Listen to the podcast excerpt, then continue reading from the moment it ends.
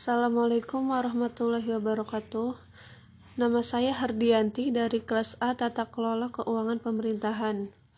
Di sini saya akan menjelaskan berdasarkan data yang saya minta dari kelurahan mengenai pengelolaan dana desa untuk penanganan COVID-19. Untuk penyaluran bantuan langsung tunai atau BLT dari dana desa atau DD untuk wilayah Kecamatan Susukan, Kabupaten Cirebon, 12 kepala desa sepakat untuk dilakukan secara merata di luar dari para penerima bantuan sosial lainnya, seperti BPNT, PKH, dan lainnya.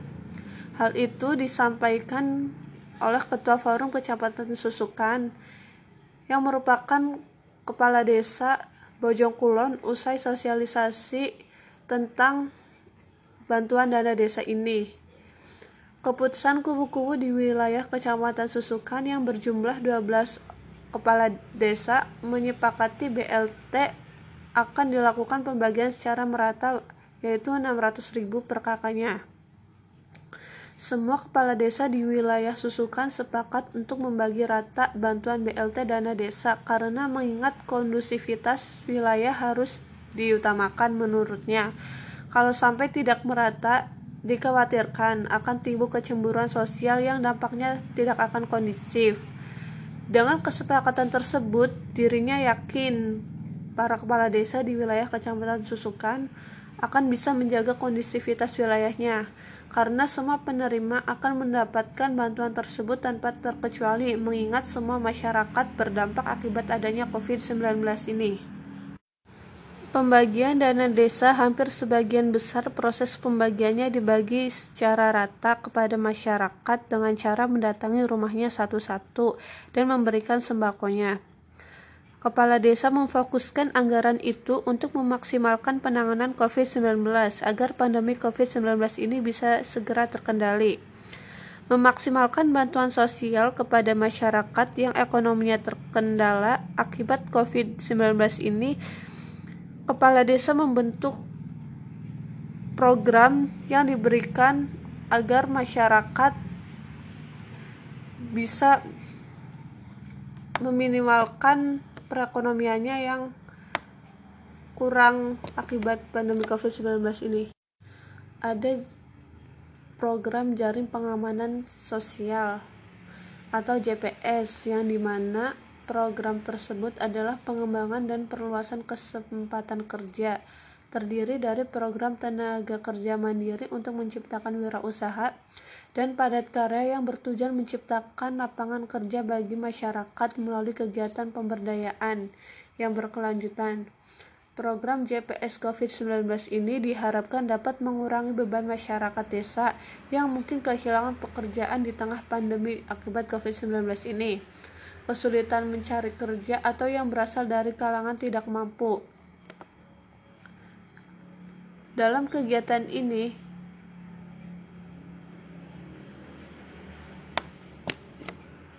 untuk menjaga keberlangsungan kegiatan usaha pada masa pandemi, melaksanakan kegiatan promotif dan preventif di antaranya dengan mengeluarkan surat edaran tentang rencana keberlangsungan usaha dalam menang, dalam menghadapi pandemi COVID-19 dan protokol pencegahan penularan COVID-19 ini. Melaksanakan program penanggulangan COVID-19, menerapkan gerakan pekerja sehat di perusahaan dan menguji lingkungan kerja pada wilayah zona merah. Menurut kepala desa, maksimalkan bantuan sosial kepada daerah yang tingkat yang untuk masyarakat yang ekonominya masih terkendala karena bantuan sosial atau bansos ini diberikan untuk masyarakat agar masyarakat tetap menjaga kesehatannya. Program bantuan langsung tunai dana desa yang dilaksanakan oleh desa memberi indikasi kemampuan desa dalam mengelola program bantuan sosial secara transparan dan akuntabel. Kunci utamanya adalah musyawarah desa sebagai forum pengambil keputusan tertinggi yang berlangsung secara terbuka dan partisipatif.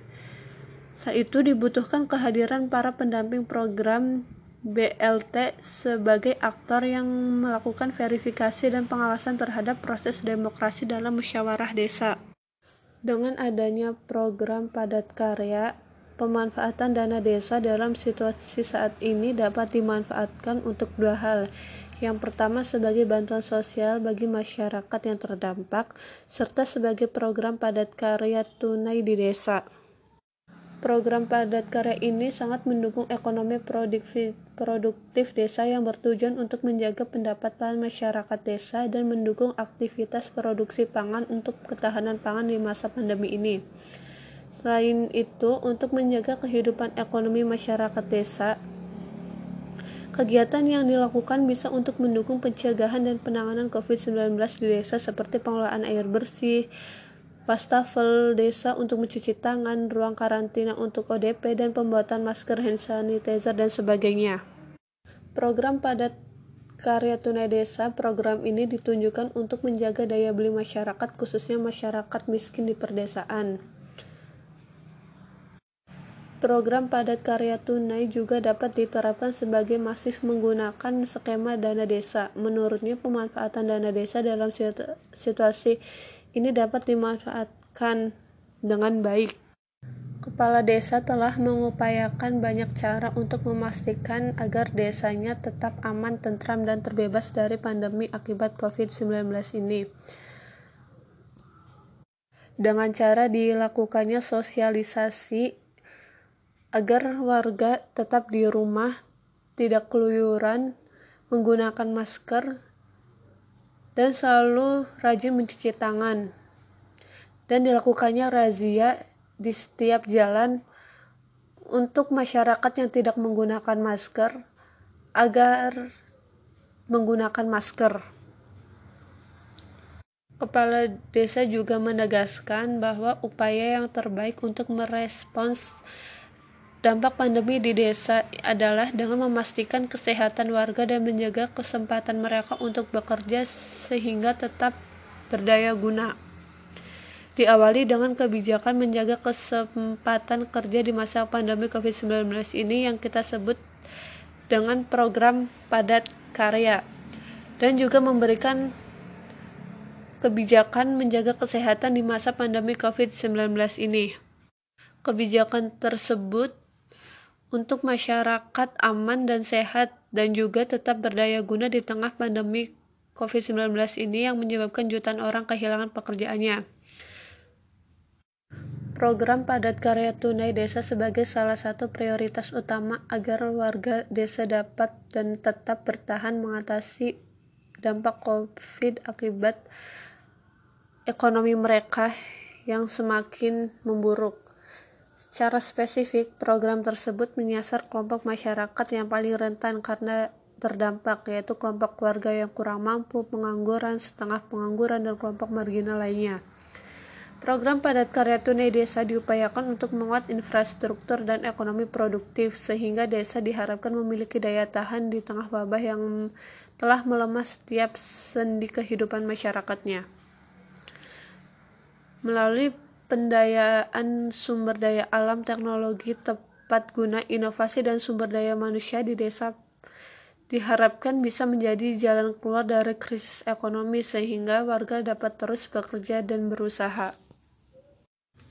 Dalam setiap prosesnya, para pekerja dari keluarga yang kurang mampu, seperti pengangguran, setengah pengangguran, dan kelompok marginal lainnya yang dipekerjakan dalam program tersebut diberi upaya setiap hari agar kebutuhan sehari-harinya bisa terpenuhi. Dengan penerapan seperti menjaga jarak minimal 2 meter atau satu pekerja dengan pekerja lainnya, kegiatan padat karya diharapkan juga dapat meminimalkan potensi penularan virus yang cenderung penular dari satu orang terinfeksi ke orang lain melalui droplet atau cairan batuk dan bersin penderitanya. Dalam perjalanannya, program padat karya telah memasuki sejak awal masa pandemi yaitu pada tanggal 24 Maret 2020. Sebagai salah satu program darurat untuk merespons dampak COVID-19 di desa, Program BLT Dana Desa juga digulirkan untuk mempercepat pemulihan ekonomi desa melalui bantuan langsung tunai guna mendorong daya beli warganya.